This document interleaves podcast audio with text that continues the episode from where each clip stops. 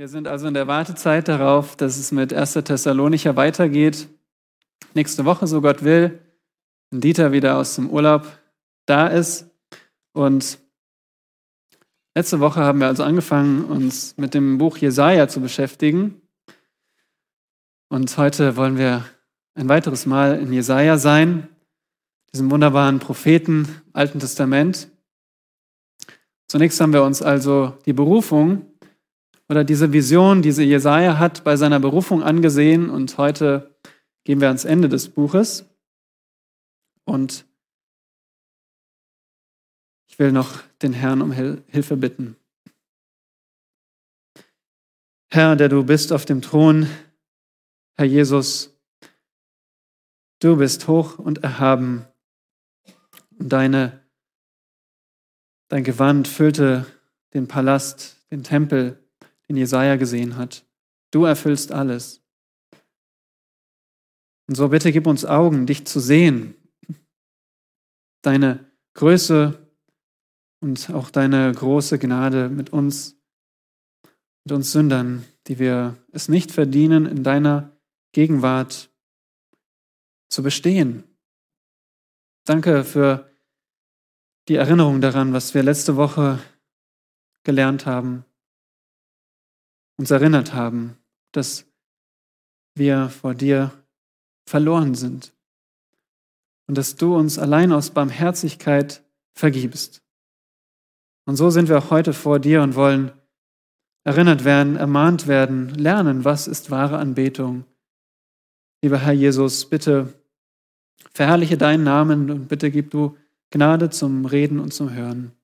Amen. Ihr Lieben, wir leben in einer Krise. Aber nein, ich meine nicht die Corona-Krise. Ich meine auch nicht die Gaskrise. Ich meine nicht die Ukraine-Krise. Eine noch viel kritischere Krise ist die Krise in der Gemeinde Jesu. Viele nennen sich Christen, aber sind doch verwirrt über die Hauptsache im Leben. Es herrscht Betrug über das eine, auf das es wirklich ankommt, und das ist wahre Anbetung. Wahre Anbetung für den einzig wahren Gott. Vor über 50 Jahren schon sagte der amerikanische Pastor A.W. Tozer ist sein Name. Er sagte folgendes. Von Gott akzeptierte Anbetung ist das fehlende Kronjuwel in der evangelikalen Christenheit. Von Gott akzeptierte Anbetung ist das Kronjuwel, das fehlt in der Christenheit. Das sagte er vor 50 Jahren und heute ist es genauso wahr. Aber wer von uns ist ein Anbeter? Nun, wir alle sind Anbeter. Schon der Apostel Paulus lehrt uns das im Römerbrief. Wenn ihr euch erinnert an Römer Kapitel 1, Dort zeigt er, dass Gott zornig ist über die Menschen, über die Gottlosigkeit und Ungerechtigkeit der Menschen in Vers 18. Warum ist Gott zornig? Nun, weil er sich offenbar gemacht hat in der Schöpfung. Und jeder, jeder, egal welche Sprache und welcher Ort, erkennt, dass es Gott gibt weil jeder sieht und erlebt und schmeckt die Schöpfung, die er nur machen konnte. Das heißt, alle Menschen sind ohne Entschuldigung, wenn sie Gott nicht anbeten, wenn sie ihm nicht danken. Und so sagt Paulus und schreibt in Römer 1, Vers 25 über diese Menschen, sie, welche die Wahrheit Gottes mit der Lüge vertauschten und dem Geschöpf Ehre und Gottesdienst erwiesen, anstatt dem Schöpfer, der gelobt ist in Ewigkeit. Amen. Seht ihr, die Menschen bringen Gottesdienst dar, aber nicht dem wahren Gott, sondern einem Geschöpf, irgendetwas Geschaffenen.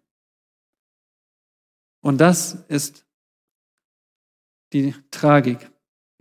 Also jeder von uns betet etwas an. Deswegen sind wir alle angesprochen. Wir beten entweder den wahren Gott an oder irgendein Geschöpf, irgendetwas Gemachtes und sind deswegen Götzendiener. Nun hört einmal, was der Herr Jesus sagte in Johannes 4, Vers 23.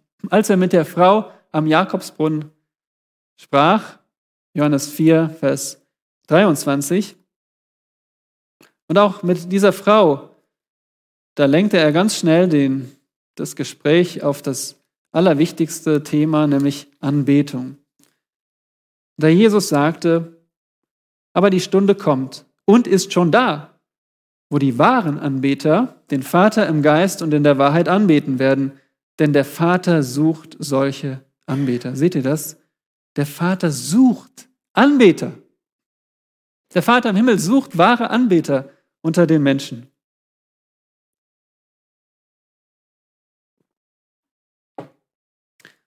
Was aber ist diese wahre Anbetung? Woran erkennt man einen wahren Anbeter? Bei Anbetung denken vielleicht manche von euch an Musik. Wir haben gerade gesungen. Jemand sagt vielleicht, in der Gemeinde ist Anbetung echt toll. Mit dieser leidenschaftlichen Band und diesem satten Sound, da komme ich so richtig in Anbetungsstimmung. Ja, habt ihr das schon mal gehört oder vielleicht selbst gedacht? Anbetungsstimmung. Also dieses so ein intensives Gefühl, das sich über den Alltag erhebt und, und du schwebst etwas über dem Boden. Aber Stimmung allein reicht ja nicht.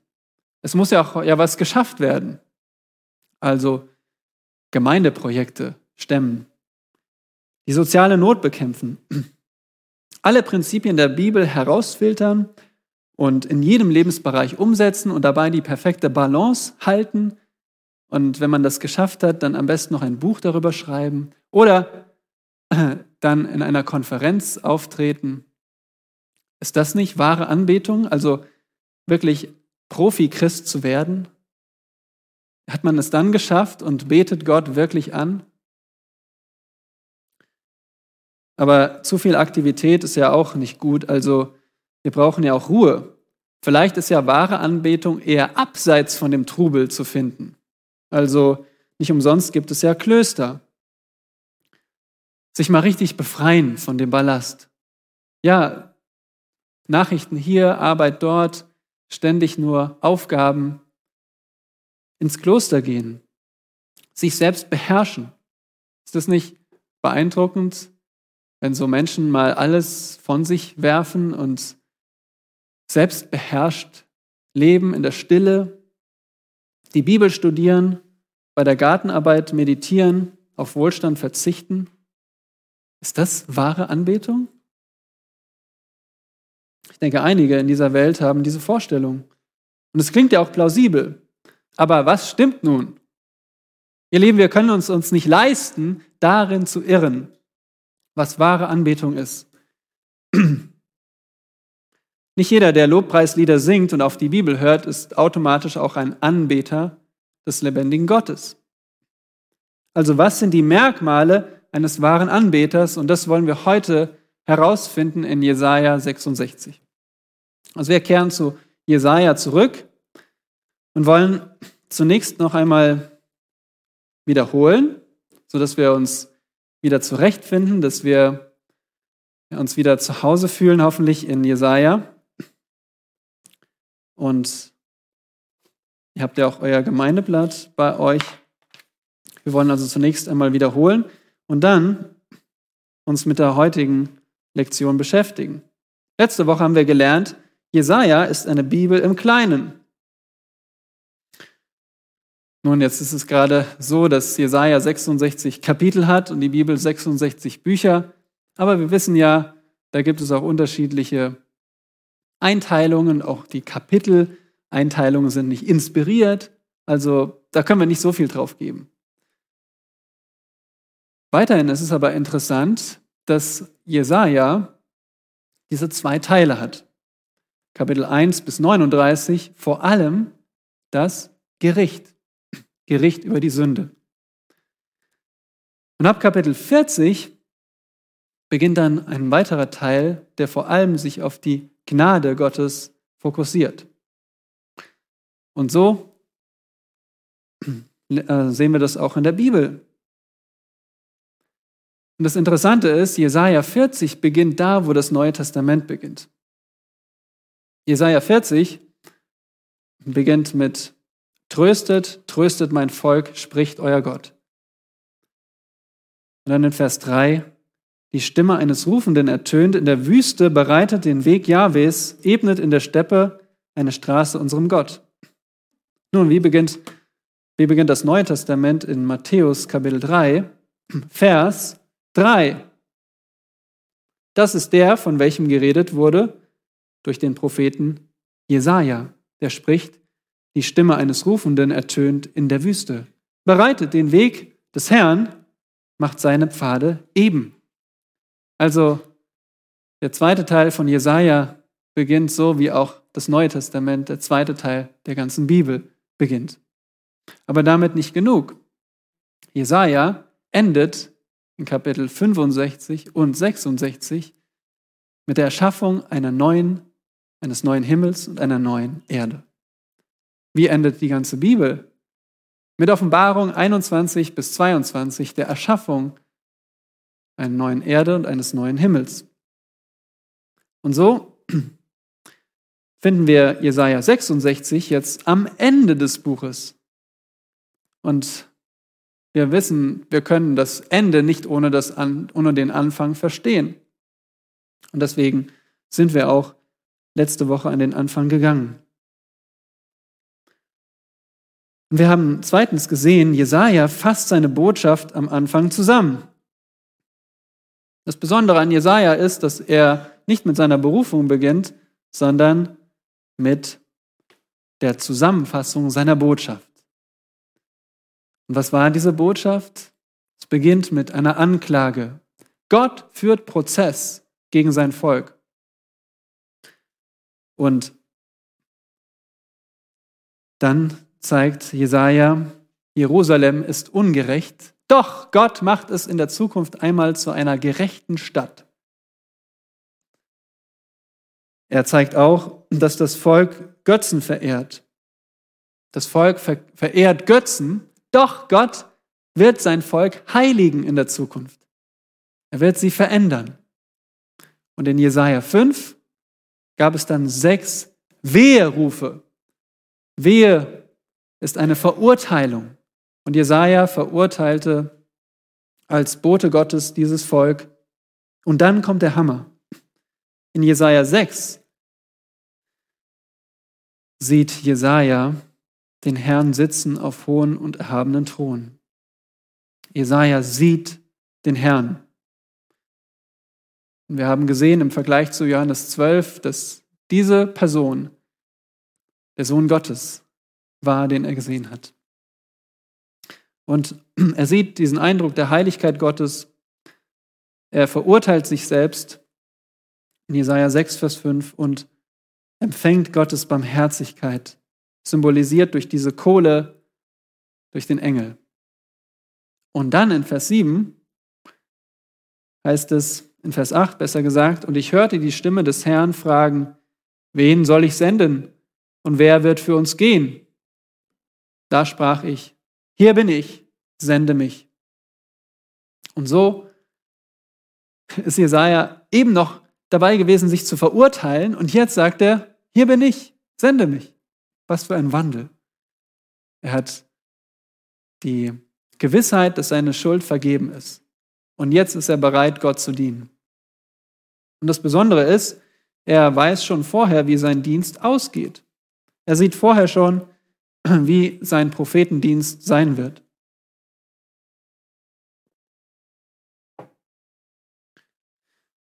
Wir lesen Jesaja 6, Vers 9 bis 13. Und er sprach, das ist der Herr, geh und sprich zu diesem Volk, hört immer fort und versteht nicht, seht immer zu und erkennt nicht. Mache das Herz dieses Volkes unempfänglich und mache seine Ohren schwer und verklebe seine Augen, damit es mit seinen Augen nicht sieht und mit seinen Ohren nicht hört und damit sein Herz nicht zur Einsicht kommt und es sich nicht bekehrt und für sich Heilung findet.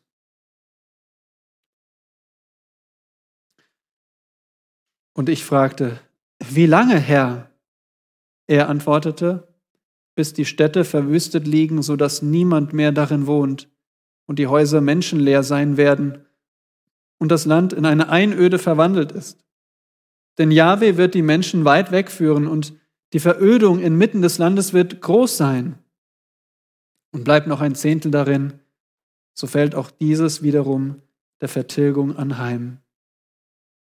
Jesaja sieht im Voraus schon, dieses Volk ist sündig und Gott wird es seiner Sünde überlassen und so werden sie nicht hören und nicht sehen und, und sie werden das gerechte Gericht empfangen. Ist aber jetzt alles aus? Schaut auf die zweite Hälfte von Vers 13.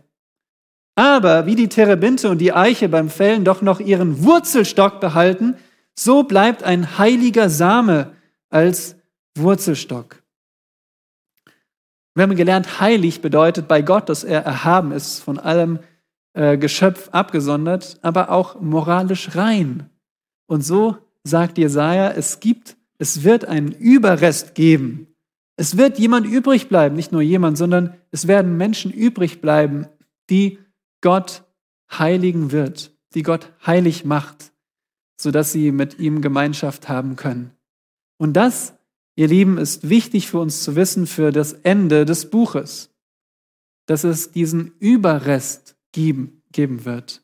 Ein Überrest des Volkes, der heilig ist. Und so gehen wir jetzt ans Ende des Buches. Jesaja endet mit dem Gebet des Überrests und Gottes Antwort. Jesaja 63, ab Vers 7 ist ein Gebet.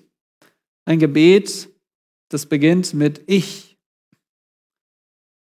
Das ist Jesaja. Jesaja betet stellvertretend für diesen Überrest. Und schaut einmal, was er betet. Wir finden zwei Erinnerungen, zwei Bitten und eine Hoffnung. Woran erinnert sich Jesaja? Vers 7. Ich will an die Gnadenerweisungen Jahwes gedenken, an die Ruhmestaten Jahwes, wie es sich gebührt, nach allem, was Jahwe an uns getan hat und dem vielen Guten, das er dem Haus Israel erwiesen hat, nach seiner Barmherzigkeit und der Fülle seiner Gnadenerweisungen. Jesaja erinnert sich erstens an Gottes Gnadenerweisungen. Zweitens sehen wir in Vers 14, wie das Vieh, das ins Tal hinabsteigt, so brachte der Geist Jahwes sie zur Ruhe, so hast du dein Volk geführt, um dir einen herrlichen Namen zu machen. Jesaja erinnert sich zweitens an Gottes Treue mit seinem Volk. Er hat sie geführt, er hat sie ins Land gebracht, das Land Kanaan. Und er hat das alles getan für seinen eigenen Namen. Und dann trägt Jesaja zwei Bitten vor. Und hier in 63, Vers 17 sehen wir, dass er in der Mehrzahl spricht. Er betet also mit dem Überrest. Jahwe, warum willst du uns abirren lassen von deinen Wegen und unser Herz verstocken, dass wir dich nicht fürchten? Kehre zurück um deiner Knechte willen, wegen der Stämme deines Erbteils. Er betet um Gottes Barmherzigkeit. Äh, aber nicht nur, dass es ihnen jetzt materiell gut geht, sondern dass ihr Herz, ihr verstocktes Herz, das verstockte Herz der Israeliten, dass das verwandelt wird. Und dann kommen wir zur zweiten Bitte ab 64, ab dem Kapitel 64, Vers 1. Ach, dass du die Himmel zerrissest und herabführest, dass die Berge erbebten vor deinem Angesicht, wie Feuer reisig entzündet, wie Feuer Wasser siedend macht um deinen Namen deinen Feinden bekannt zu machen, damit die Heiden vor deinem Angesicht erzittern. Hier bittet Jesaja, hier bittet der Überrest darum, dass Gott sich mächtig erweist und seine Feinde besiegt. Wieder um Gottes Namens willen. Aber dieser Überrest ist nicht selbstgerecht. Schaut einmal auf, auf Vers 5. Wir sind ja allesamt geworden wie Unreine und alle unsere Gerechtigkeit wie ein beflecktes Kleid. Wir sind alle verwelkt wie die Blätter und unsere Sünden trugen uns fort wie der Wind. Sie bekennen auch ihre eigene Sündhaftigkeit. Und dann die eine Hoffnung in 64, Vers 7. Nun aber bist du, Jahwe, unser Vater. Wir sind der Ton und du bist unser Töpfer. Wir alle sind das Werk deiner Hände. Das ist die Hoffnung. Du bist unser Vater, Gott im Himmel, Jahwe. Du gibst uns nicht auf. Aber doch ist die Frage, na ja, wann greifst du denn jetzt ein? Und da so endet das Gebet in Vers 11, 64 Vers 11. Willst du, Jahwe, trotz alledem dich zurückhalten, schweigen und uns ganz und gar niederbeugen? Fragezeichen. Gottes Antwort kommt in Jesaja 65 bis 66. Und dort zeigt Gott in seiner Antwort, dass er seine Feinde sehr wohl richten wird. Und dass er seine Knechte bewahren wird. Und dass er schließlich eine neue Erde ähm, schaffen wird mit einem neuen Jerusalem. Und was wird in Jerusalem getan werden? Ratet mal. Anbetung Gottes, genau. Und die Frage, die sich jetzt stellt, ist, wer wird dabei sein? Wir haben Gottes Feinde und Gottes Knechte und am Ende bleiben nur solche, die Gott wahrhaft anbeten. Und jetzt sind wir endlich bei unserem Text in Jesaja 66, Verse 1 bis 6. So spricht Yahweh. Der Himmel ist mein Thron und die Erde der Schemel für meine Füße. Was für ein Haus wollt ihr mir denn bauen? Oder wo ist der Ort, an dem ich ruhen soll? Denn dies alles hat meine Hand gemacht. Und so ist dies alles geworden, spricht Yahweh. Ich will aber den ansehen, der demütig und zerbrochenen Geistes ist und der zittert vor meinem Wort. Wer einen Ochsen schächtet, ist wie einer, der einen Menschen erschlägt. Wer ein Schaf opfert, ist wie einer, der einem Hund das Genick bricht. Wer Speisopfer darbringt, ist wie einer, der Schweineblut opfert. Wer Weihrauch anzündet, ist wie einer, der einen Götzen verehrt. Sie alle erwählen ihre eigenen Wege, und ihre Seele hat Wohlgefallen an ihren Gräueln. Darum will auch ich erwählen, was sie quält, und über sie bringen, wovor ihnen graut.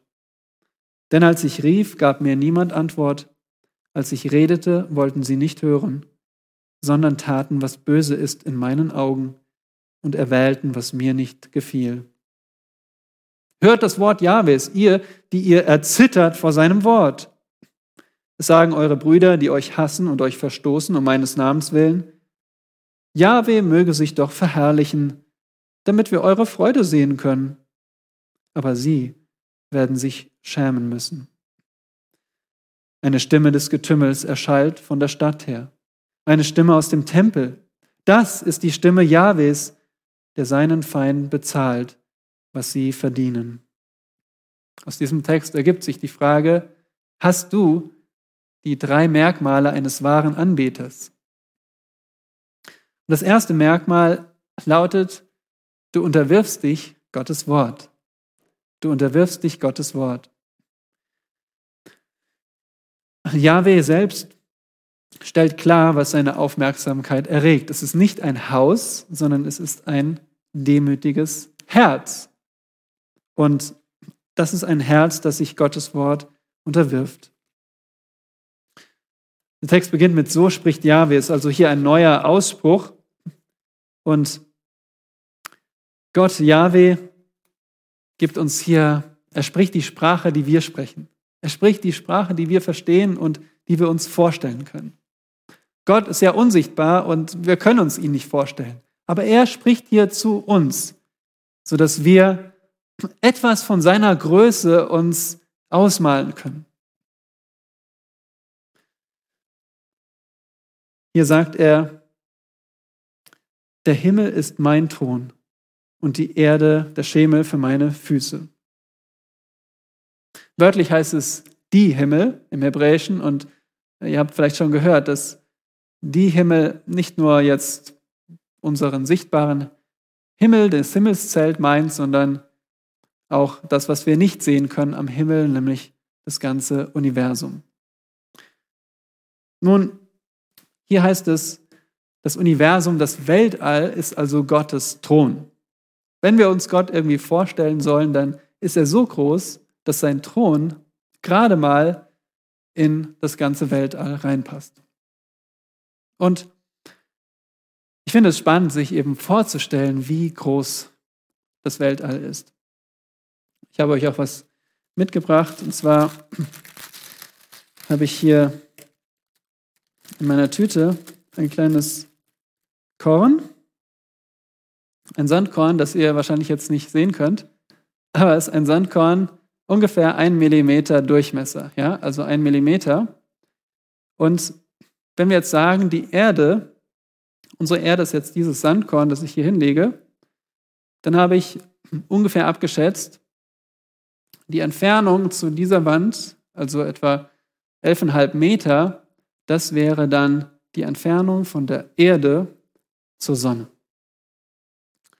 So, wenn das unsere Erde ist, dann ist die Sonne so weit weg bis zu dieser Wand. Aber das ist ja nur die Entfernung von der Erde zur Sonne. Und die Erde ist auch in unserem Sonnensystem recht nah dran an der Sonne.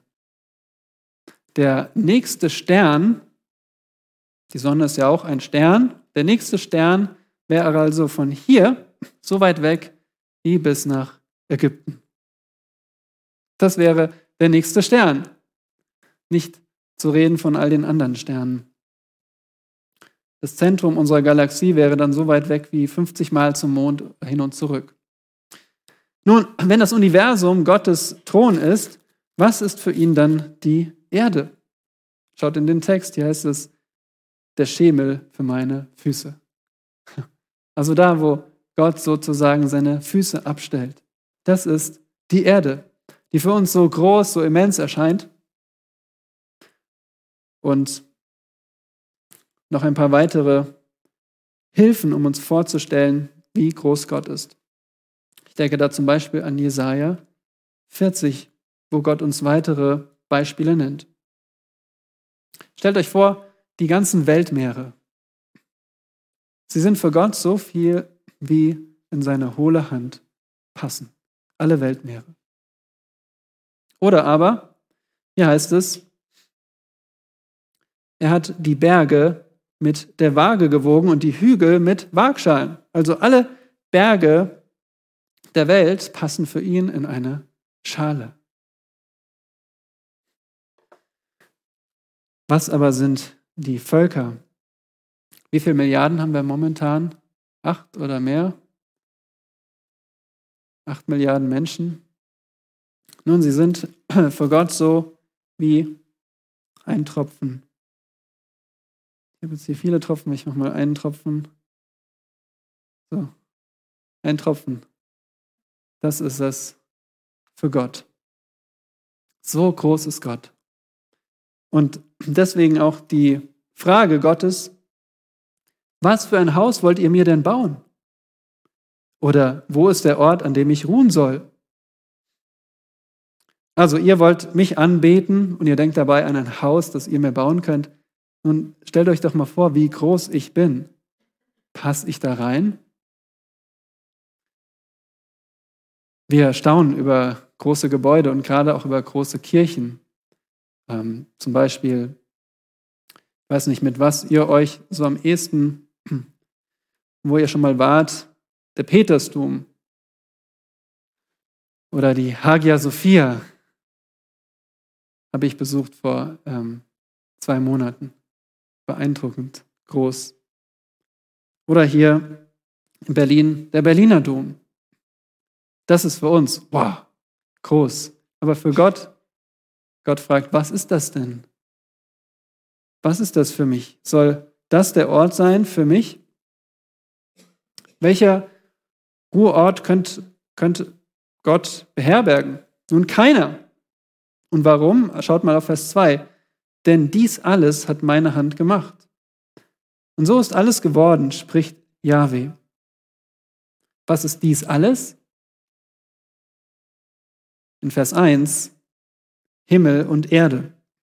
Das meint Gott mit dies alles. Ich habe alles gemacht, das ganze Universum. Und es ist geworden, und dieses Wort geworden erinnert uns an die Ausdrucksweise in 1. Mose 1, wo Gott sprach und es wurde. Warum können wir Gott nicht zufriedenstellen mit einem Bau, den wir bauen? Weil Gott alles gemacht hat. Das wäre so, wie wenn zum Beispiel eine Ameise auf deinem Esstisch krabbelt und sie hat einen Krümel von deinem Teller genommen. Und jetzt stellen wir uns mal vor, diese Ameise könnte mit uns reden und sagt, hallo, hier ist der Krümel, den ich dir schenken möchte. So etwa muss es für Gott sein, wenn wir etwas nehmen, was er gemacht hat und sagen, hier, ich möchte dir hiermit ein Geschenk machen. Das gehört ihm doch schon. Er hat alles gemacht. Und das ist, was der Herr seinem Volk und auch uns hier klar machen will. Wenn ihr an Anbetung denkt, dann meint nicht, ihr könnt mich zufriedenstellen mit irgendetwas, was ihr baut oder tut. Aber ihr würdet vielleicht jetzt fragen, aber was ist denn mit dem Tempel? Ist das jetzt falsch gewesen? Nein, Gott wollte den Tempel, aber nicht als etwas, das ihn zufriedenstellt. Und so geht es auch uns heute. Wir wollen Gott zufriedenstellen. Mit unserer Musik, mit unserem gemanagten Leben, wenn wir alles schön zusammen haben, unser Christenleben, damit wir Gott zufriedenstellen. Oder wir wollen Gott zufriedenstellen, indem wir eben die Stille suchen und, und uns dann so ganz ihm hingeben, gefühlt. Vielleicht machen wir das auch nur, um uns selbst zufriedenzustellen. Aber Jahwe sagt, wenn ihr meint, euer Gottesdienst stellt mich zufrieden, dann irrt ihr euch gewaltig. Mir gehört doch alles. Ich habe alles geschaffen. Was können wir denn dann Gott geben? Wie können wir ihn denn anbeten? Nun achtet auf Vers 2b. Und das ist das Beeindruckende. Ich will aber den ansehen, der demütig und zerbrochenen Geistes ist und der zittert vor meinem Wort. Hier sagt Gott, ich will den, also diese Person ansehen, und die Beschreibung, diese drei Merkmale, die jetzt in diesem Vers kommen, die beschreiben alle ein und dieselbe Person. Und Gott sagt, ich will ihn ansehen. Und dieses Ansehen drückt ein fortlaufendes Anschauen aus. Also nicht nur ein flüchtiger Blick, ich würdige dich mal einem Blick, sondern ich schaue auf dich. Ich schaue mit, mit Wohlgefallen auf dich. Nun, wie, wie können wir Gott gefallen? Erstens, ein wahrer Anbeter ist demütig.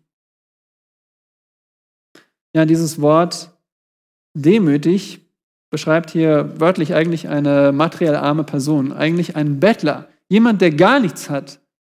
Der hat keine Versicherung, kein Einkommen, äh, hat keine Wohnung, keine Nahrung und er ist am untersten Ende der Gesellschaft. Das ist das Wort hier, das hier benutzt wird. Aber wir verstehen, es ist nicht jetzt wörtlich gemeint, sonst wären ja die besten Anbeter die, die obdachlos sind. Nein. Aber geistlich gesehen, wenn wir geistlich gesehen arm vor Gott sind, mittellos sind, so ist ein wahrer Anbeter.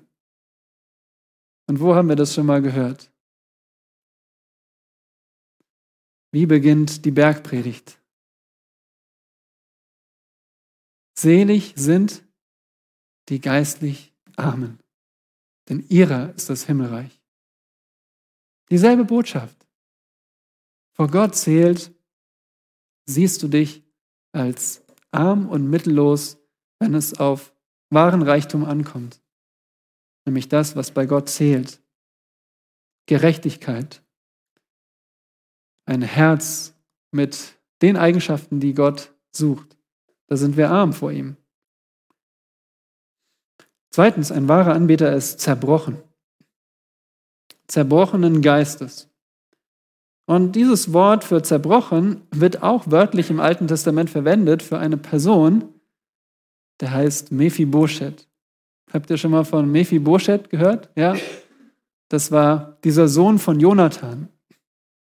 Und als die Philister die Israeliten bekämpften, da mussten sie schnell fliehen. Und, und dieser Jonathan, äh, dieser Mephibosheth ist mit fünf Jahren, armes Kind, ist äh, von seiner Amme fallen gelassen worden und seitdem gelähmt gewesen. Er konnte nicht laufen und so wird das Wort hier benutzt im bildlichen Sinn. Du bist ein geistlicher Krüppel. Wenn du dran denkst, was du für Gott erreichen kannst, dann ist dein Urteil über dich selbst, ich bin einfach gelähmt. Ich bin hilflos, dir zu gefallen, Gott. Und drittens, ein wahrer Anbeter ist zitternd. Der zittert vor meinem Wort. Ist wirklich wörtlich jemand, der vor Furcht erbebt. Und ich habe überlegt, wie, wie kann man das nachempfinden? Vielleicht kennt der ein oder andere Höhenangst.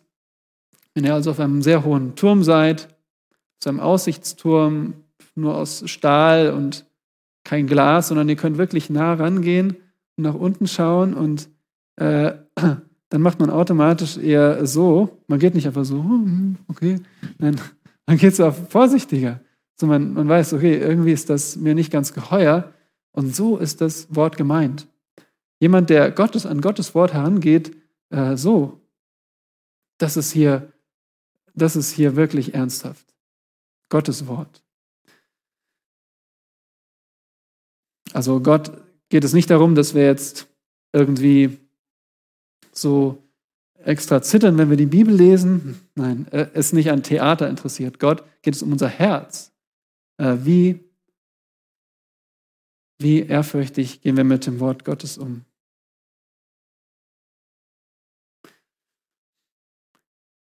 Nun, die Frage an uns ist, haben wir dieses Merkmal eines wahren Anbeters. Wir müssen uns das bewusst machen. Gott ist so groß. Wir haben es hier gesehen. Die Erde ist für ihn so. Und er überblickt die Entfernung zur Sonne. Das ist die Erde für ihn. Wie könnte jetzt jemand auf dieser Erde, wie könnte er da einzelne Menschen ausmachen? Aber Gott Gott blickt auf den, der am allerniedrigsten ist. Für Gott entscheidet aber nicht, ja, ob man jetzt äußerlich arm ist, sondern ob jemand erkennt, die Wahrheit erkennt und einsieht, anerkennt, ich bin nichts vor dir, Gott. Und das, ihr Lieben, ist für Gott am allerwertvollsten. Und das Wunderbare ist, Dafür müssen wir nichts tun. Wir müssen es nur anerkennen. Und dann beten wir auch in der Folge Gott an. Weil wenn wir erkennen, wir sind nichts und Gott ist alles, dann werden wir automatisch auf Gott hören und seine Ressourcen, seine Hilfe, das wird uns am wichtigsten sein. Wir haben jetzt leider nicht die Zeit, aber eigentlich hatte ich mir hier vorgenommen, dass wir in Matthäus 18, wir können ja wenigstens ein paar Verse lesen, um das zu illustrieren. Matthäus 18, der Herr Jesus spricht von der, genau von derselben Sache, wenn er seinen Jüngern zeigt, die Jünger, die sagten, wer ist der Größte im Reich, im, im Reich der Himmel? Sie haben sich diese Frage gestellt, wer ist denn hier für Gott am wertvollsten, am wichtigsten? Und Jesus, was tut er? Er ruft ein Kind herbei. Er sagt, komm mal her. Komm mal her, Josef. Und dann kam das Kind. Kam sofort. Und kam einfach in Jesu Arme. Und Jesus sagt, wahrlich, ich sage euch, wenn ihr nicht umkehrt und werdet wie die Kinder, so werdet ihr nicht in das Reich der Himmel kommen. Wer nun sich selbst erniedrigt wie dieses Kind, der ist der Größte im Reich der Himmel. Also wer sagt, ich bin, ja, ich, mach, ich bin abhängig von dir. Höre auf dein Wort, ich habe nichts anderes im Sinn, so wie ein Kind ähm, einfach vertraut, anspruchslos ist. Ein Kind ist klein und es ist sich dessen bewusst, ja. Ein Kind sagt nicht, oh, ich werde jetzt auf den Kopf spucken. Nein, ein Kind sagt, weiß, es ist klein. Wir wissen auch, Kinder sind von Natur aus Sünder, aber der Jesus hebt hier hervor diese Eigenschaften der Kinder, dass sie sich abhängig sehen, dass sie, dass dieses Kind einfach reagiert auf Jesu Wort. So sollen wir sein. Auf Gottes Wort einfach sofort reagieren. Noch ein Zitat von Matthew Henry, weil es so schön ist. Die demütigsten Christen sind die besten Christen. Sie sind Christus am ähnlichsten und stehen in seiner Gunst am höchsten. Sie sind am geeignetsten, die göttliche Gnade zu empfangen und am brauchbarsten, Gott in dieser Welt zu dienen und ihn in der anderen zu genießen. Sie sind groß, denn Gott überblickt Himmel und Erde, um auf solche zu schauen.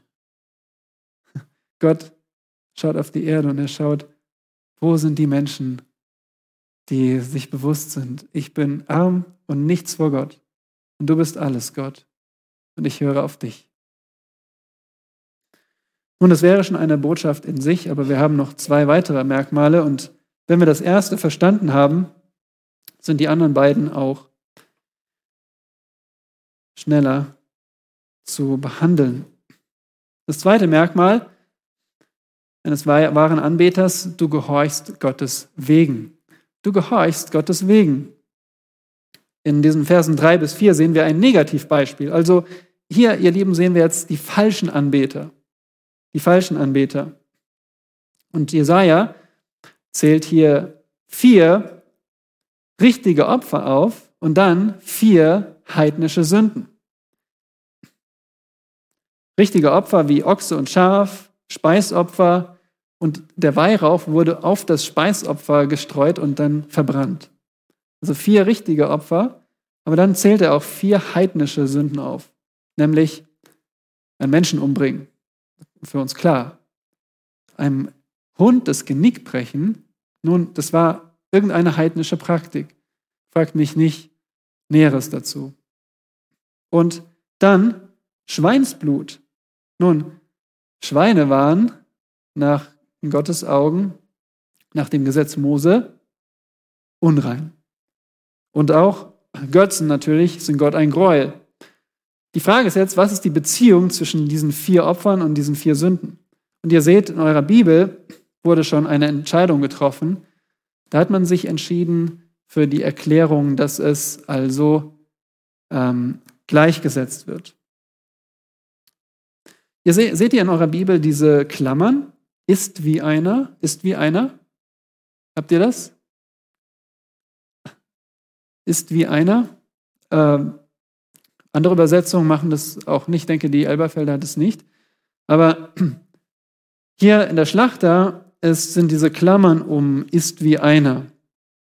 Das, was in der Klammer steht, ist nicht in dem originalen Text enthalten. Das ist eine Hilfe, das zu verstehen. Man sagt also, in Gottes Augen ist einer, der seinen Stier opfert, aber in seinem Herzen nicht wirklich Gott anbetet, der ist für Gott so schlimm wie einer, der mordet.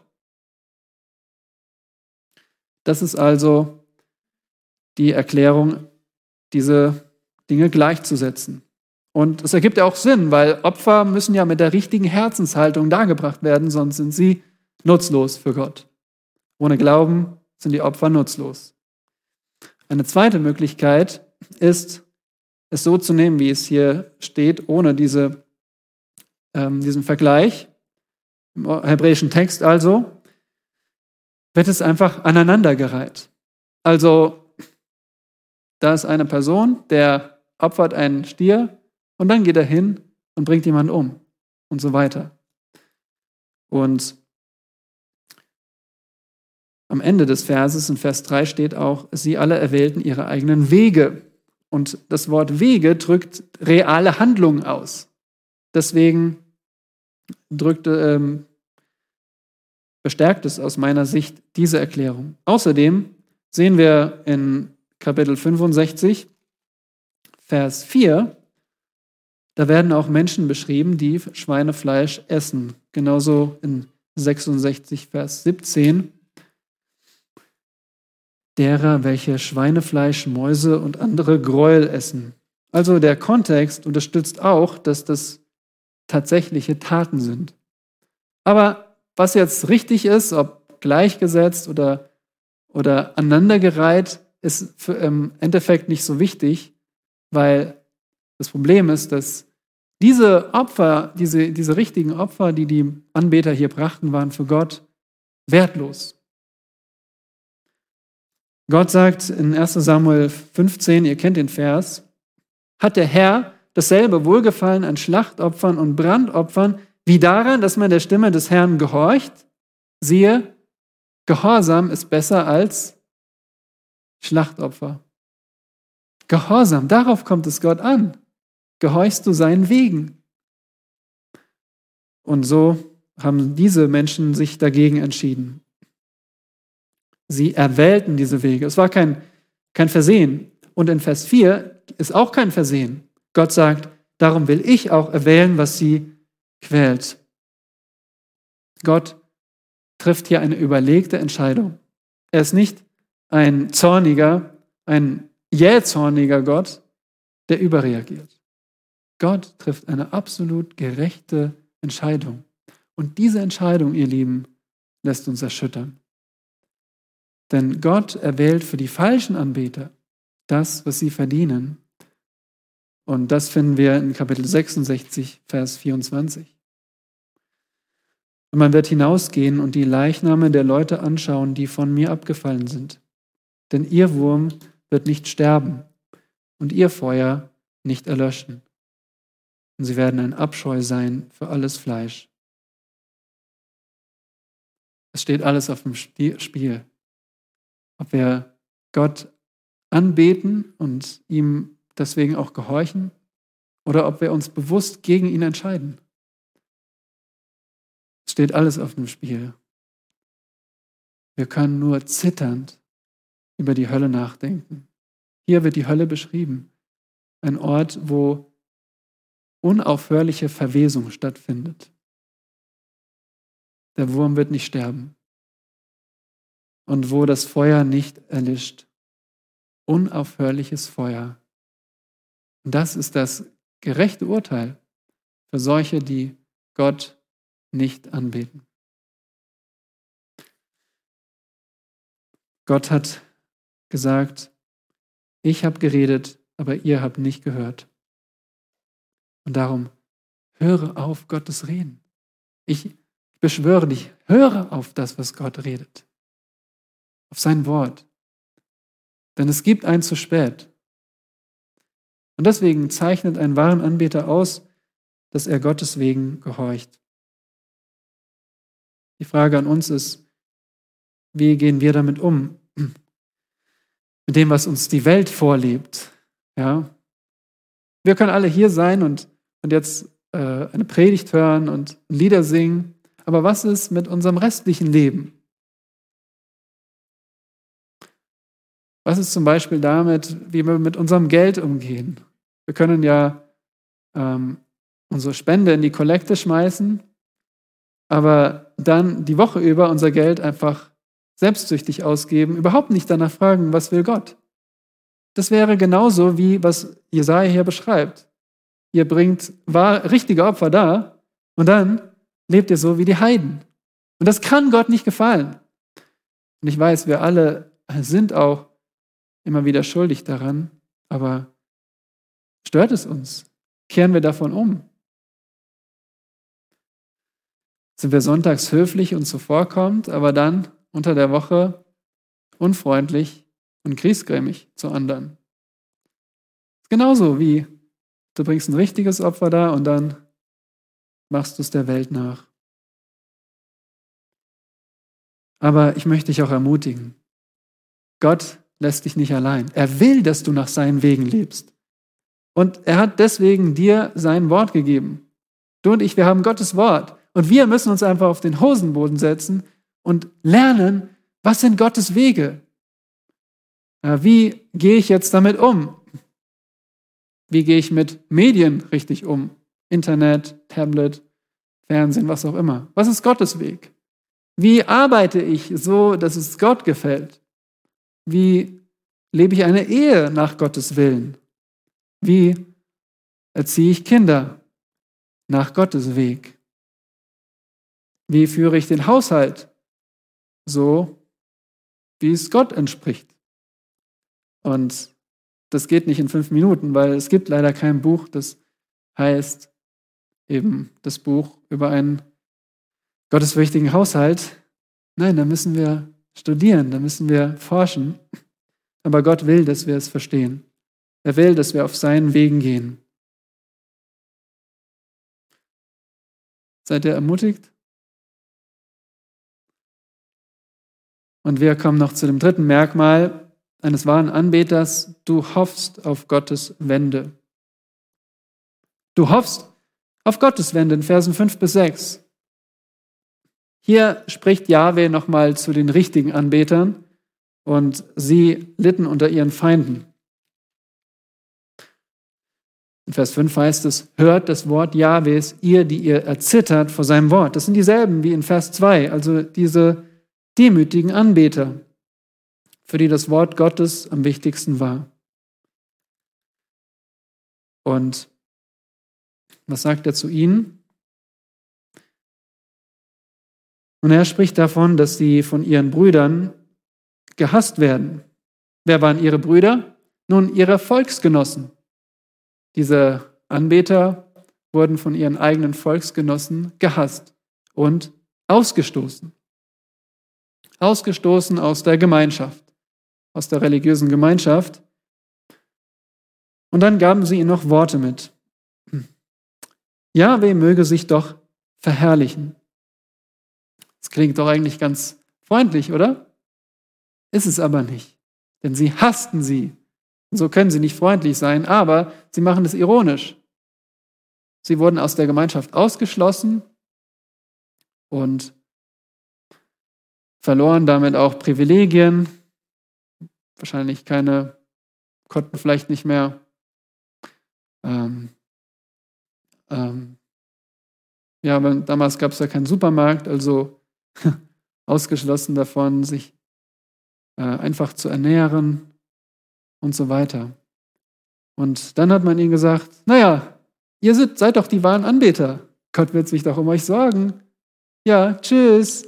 Und möge es euch gut gehen, ohne Geld und ohne Arbeit. Das sind die, diese gehässigen Feinde. Und da kann es in uns irgendwie so brodeln, oder? Wie kann das sein? Wie kann, wie kann das so sein? Ich bin doch auf der richtigen Seite. Warum werde ich jetzt ausgestoßen? Und Gott, Gott spricht zu diesen Menschen und sagt, in anderen Worten, lass dich nicht erzürnen. Diese Menschen, die dich ausstoßen, die werden noch beschämt werden. Sie werden sich schämen müssen. Und dann sehen wir in Vers 6 die Erfüllung dieses Versprechens. Gott sagt, er kümmert sich darum und er kümmert sich darum. Eine Stimme des Getümmels, wörtlich ein, ein, eine Stimme des Lärms, des Kriegslärms. Jetzt hört man Kriegslärm und dieser Lärm kommt aus dem Tempel. Es ist Gottes Stimme, der seinen Feinden bezahlt, was sie verdienen. Ja, Gott wird seinen Feinden das geben, was sie verdienen. Und so kann es auch uns geschehen, dass wir als bibeltreue Christen einmal ausgeschlossen werden aus der Gesellschaft. Wahrscheinlich nicht dafür, dass wir an einen Jesus glauben, aber dass wir an einen Jesus glauben, der sagt, ich bin der Weg und die Wahrheit und das Leben. Niemand kommt zum Vater als nur durch mich. Dass wir an eine Bibel glauben, die sagt, das ist die Wahrheit und alles andere ist, was der Bibel widerspricht, ist Lüge. Nun, es kann leicht geschehen, dass wir Arbeit verlieren, Wohnung verlieren, Unterhalt verlieren, keine Versicherung. Und dass wir dann auch noch ironisch und spöttisch verspottet werden. Wie reagieren wir dann? Als wahre Anbeter hoffen wir auf Gottes Wende. Nicht wir bringen die Wende, sondern Gott zu seiner Zeit. Und in der Zwischenzeit beten wir für unsere Feinde. Das ist Jesu Weg. Das ist der Weg des Herrn Jesus. Gott liebt seine Feinde. Und er liebt auch dich, dass du heute hier sitzt und sein Wort hörst. Und wenn du merkst, ich, ich bin nicht dieser wahre Anbeter, weil ich denke schon, dass ich vor Gott nicht so schlecht bin. Und das kann doch nicht alles nichts gelten, was ich tue und was ich schon für ihn getan habe. Und du darauf baust, dann irrst du dich. Und deswegen sagt Gott in seiner Liebe heute, kehr um von deiner Selbstgerechtigkeit und erkenne, dass du nichts bist vor Gott. Mit all deinen Begabungen, all, all deinem Geld oder all deiner Erfahrung, all deinem Wissen. Das gilt vor Gott nichts. Kann ich nicht von deiner Sünde erlösen. Kann nicht für deine Schuld bezahlen. Warum? Und Gott hat dir deine Begabung gegeben. Gott hat dir dein Wissen gegeben. Gott hat dir deine Arbeit gegeben. All das. Deswegen komm zu Christus und sag ihm, wer du wirklich bist. Ein armer, mittelloser Sünder, der gelähmt ist, um Gott zu gehorchen und der sein Wort nicht geachtet hat. Und wenn du an den Namen Jesu Christi glaubst, der als wahrer Mensch auf die Erde kam, Gottes Sohn, durch eine Jungfrau geboren, um ein gerechtes Leben zu leben und dann schuldlos am Kreuz hingerichtet zu werden als Sühnopfer für Sünder, als Stellvertreter für uns Schuldige. Wenn du das glaubst und wenn du dich ihm unterwirfst und sagst, hier bin ich, mein Leben gehört dir, ich glaube an deinen Namen, Jesus, dann wirst du heute gerettet werden. Was für eine wunderbare Botschaft. Und lasst sie uns unseren Mitmenschen bringen, die nicht wissen, was sie tun, wenn sie Gott ablehnen. Der Herr ist immer noch gnädig, es ist immer noch Gnadenzeit. Lasst ihn uns wirklich in Wahrheit anbeten. Und das wollen wir gleich noch tun mit dem Lied Seht unseren Gott. Vater im Himmel, danke für diese Zeit in deinem Wort. Du prüfst uns. Nicht wir prüfen einander, sondern du allein siehst unser Herz. Du kennst mein Herz, du kennst mein Versagen. Und ich kann mich auf nichts verlassen in mir, nur auf den Herrn Jesus Christus. Und dass er für elende Sünder wie mich kam was ist schon all meine, meine Erfahrung? Was ist meine Bildung? Alles nichtig vor dir. Es ist nur, es zählt nur was, wenn es für dich eingesetzt wird. Aus Dankbarkeit dafür, dass du dich gabst am Kreuz für mich und mir und uns allen, die an dich glauben, eine neue Erde erkauft hast, wo du in Wahrheit angebetet wirst. Und so Wecke uns auf. Erwecke diese Gemeinde, dass wir, dass wir aufwachen und erkennen, wie du jederzeit wiederkommen kannst und wie die Menschen dein Wort hören müssen, bevor es zu spät ist. Danke, dass wir nun auf dich blicken dürfen als den gekreuzigten und auferstandenen Herrn und dich anbeten. Amen.